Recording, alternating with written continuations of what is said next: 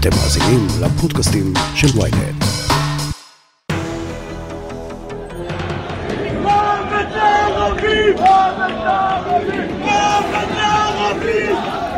ירושלים שוב הופכת לזירת קרב, ובמשך ימים הדרג המדיני והמשטרה מגמגמים. ערבים תוקפים יהודים, יהודים מתארגנים ותוקפים ערבים, האלימות, הגזענות והשנאה המשתוללות בבירה. היכן הדרג המדיני? לאן נעלם השר לביטחון הפנים אוחנה? והאם המשטרה חלשה ואינה יודעת כיצד לפעול? האיש שניסה למנוע את האינתיפאדה השנייה אך נכשל כי לא הקשיבו לו, יהיה כאן מיד עם ניתוח מרתק על המצב הנפיץ בירושלים ובישראל כולה. הכותרת, הפודקאסט היומי של ynet עם עטילה שומפלבי. ניצב בדימוס יאיר יצחקי, אתה היית מפקד מחוז ירושלים והיית אולי אחד האנשים הבודדים שהתריע מפני אינתיפאדה שנייה את עלה אריק שרון להר הבית. אתה מסתכל עכשיו על מה שקורה בירושלים, אתה יכול להסביר למה זה התפוצץ להתפרץ בדיוק עכשיו? תראה, אני אגיד לך משהו. אה, בשנת 2000, או לפני שנת 2000, ב-99, היה מחקר באוניברסיטה בארצות הברית, ששם שאלו פרופסורים, דוקטורים, שתי שאלות מחקריות. שאלה אחת הייתה, האם אה, יש פוטנציאל למלחמת עולם שלישית?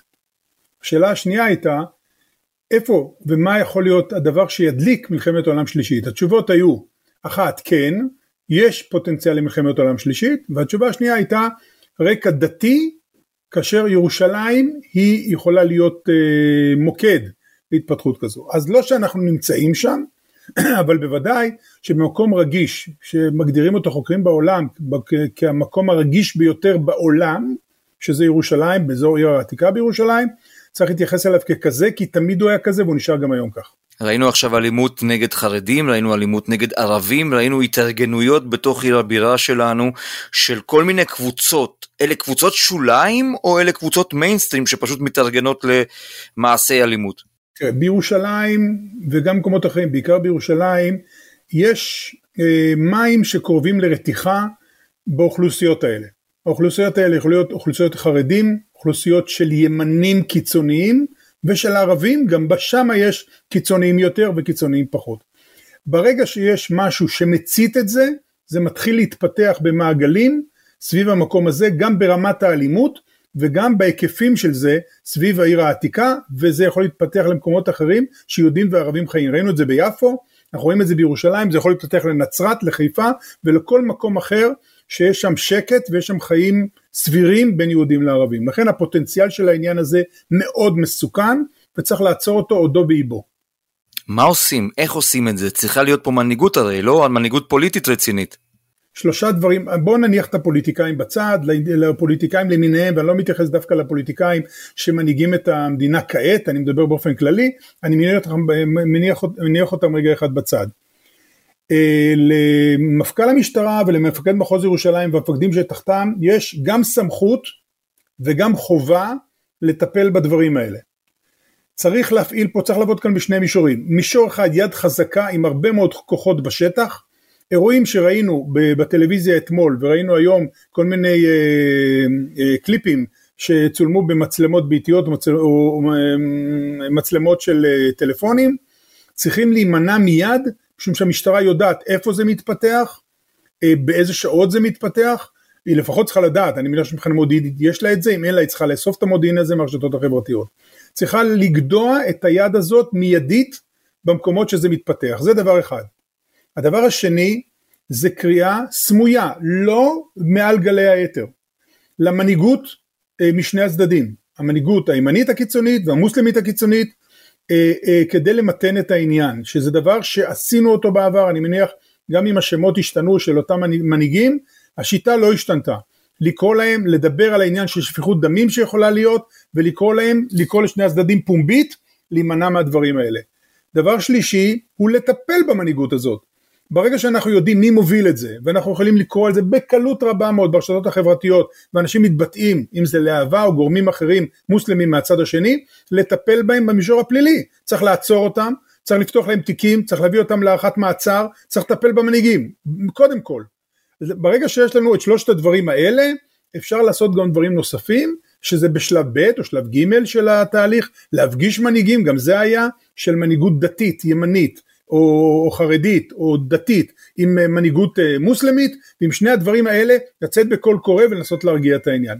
ככל שהמהלכים האלה לא יתבצעו באופן מיידי הנזק יהיה הרבה יותר גדול והיכולת להשתלט על זה תהיה הרבה יותר מסובכת. צא ולמד, אם אנחנו מדברים עכשיו על ירושלים ועל יפו, למה שזה לא יהיה בחיפה, למה שזה לא יהיה בפזורה הבדואית, בבאר שבע, בכל מקום שיש יהודים וערבים. כלומר אתה חושש שזה יכול להישפך מירושלים למקומות אחרים? אני, אם אני עוקב אחרי העניין הזה, ושוב אני ניזון רק מהתקשורת, אני לא ניזון ממקורות מודיעיניים פנימיים, אני רואה שהעסק הזה לא נרגע כבר כמה ימים. ואם לא יהיה טיפול מיידי בעניין הזה כדי לעצור את זה ולהוביל את זה חזרה לאיזושהי שגרה נסבלת, זה ילך ויסלים. אני רוצה לקחת אותך ברשותך לפן המקצועי. אמרת אתה לא רוצה לעסוק בפוליטיקה ואני אכבד את זה כמובן. ובכל זאת צריך להסתכל על משטרה. משטרה צריכה להיות נוכחת, היא צריכה להיות חזקה, היא צריכה להרתיע למעשה בעצם נוכחותה. לי, בתמונות שמגיעות מירושלים למשל, המשטרה חסרה. אה, אני חושב שעצם העניין שהדבר הזה מתפתח וחוזר על עצמו אה, כבר מספר ערבים, מעיד על כך שאין מספיק תשומות לעניין הזה. המשטרה צריכה לרכז כוחות בירושלים, בעיקר בירושלים, מכל הארץ. אני הייתי עובד הרבה מאוד עם כוחות סמויים, עם בלשים סמויים שיכולים להביא למעצרים הרבה יותר מכוחות גלויים, להביא למעצרים, להביא את המעורבים האלה לבתי משפט, להארכת מעצר ופתיחת אה, כתבי אישום, זה יכול להיות גורם מרתיע. אה, לכן צריך לרכז מאמץ מאוד גדול אה, של שוטרים סמויים וגלויים והפגנת הכוח הזאת והתוצאות שלה יכולים אה, לעצור את התהליך הזה ולהוביל אותו חזרה למקומו אחורה. ואתה מתרשם שזה נעשה? אני חושב שהימים הבאים יוכיחו. תראו, את מפקד מחוז ירושלים אני מכיר היטב, היה פקוד שלי כשאני הייתי מפקד מחוז, קצין איכותי מאוד, מבין את העניין, מכיר את ירושלים בצורה יוצאת מן הכלל טובה, המפכ"ל הנוכחי הוא מפכ"ל לוחמני, הוא יודע מה זה להילחם בפשיעה ומה זה להילחם בהפרות סדר, ואני חושב שהזוג הזה, בעזרה של כמובן אה, צמרת פיקוד אה, משטרת ישראל, יודעת איך לעשות את זה ואני מניח שהיא עושה את זה. אני לא דיברתי איתם, אני מתאר לעצמי שהם מבינים בדיוק את אותם דברים שאני אומר כרגע. אתה מדבר הרבה מאוד שנים על העובדה שירושלים היא חבית חומר נפץ וזה לא סוד כמובן גם בפרספקטיבה היסטורית. מה קורה בימים אלה, כלומר מתחת לפני השטח שאנחנו לא מזהים, מה לדעתך מתרחש שם שגורם לעימותים כל כך אלימים, לכל, לעימותים כל כך בוטים גם, אל, אל מול המצלמות, להתפרץ, זאת אומרת חסרה הרתעה, יש יותר מדי לחץ, מתח שהצטבר, מה קורה שם? תראה, מוטיבציה אה, להיווצרות אירועים שאנחנו רואים אותם, או תמונות שאנחנו יכולים לראות, תמיד קיימת. אצל מנהיגות קיצונית מכאן ומכאן. זה תמיד היה. השאלה איך מונעים את זה ואיך מונעים את ההתפרצות הזאת ואם כבר יש התפרצות לעצור אותה באיבה ולהוביל אותה אחורה. ראינו את זה בעשרות מקרים, אני במשך ארבע, ארבע ומשהו שנים כשאני הייתי מפקד מחוץ לירושלים, ראיתי את זה, טיפלתי בזה ומנעתי את זה, ברוב המקרים הצלחתי למנוע את זה בשלב כזה ואחר. משטרה צריכה לטפל בדברים מיידית וביד קשה מאוד ולבצע מעצרים ובמסות של שוטרים שכמו שאמרתי צריכים להיות בעיקר פחות גלויים בשטח כי בסוף זאת ההרתעה. הרי אף אחד לא רוצה להיעצר ולשבת בכלא. אבל אם נגיד באירועים של אתמול בערב אה, לא נעצרו 20 או 30 מבין הפורעים משני הצדדים משני הצדדים יש כאן בעיה גדולה מאוד צריך להפעיל גם מודיעין, להפות, לבצע מעצרים על סמך מודיעין, ומודיעין יש למשטרה משני הצדדים. כל הדברים האלה הם יכולים לייצר הרתעה מהישנות האירועים האלה, או יותר גרוע מזה, מהחמרה שלהם.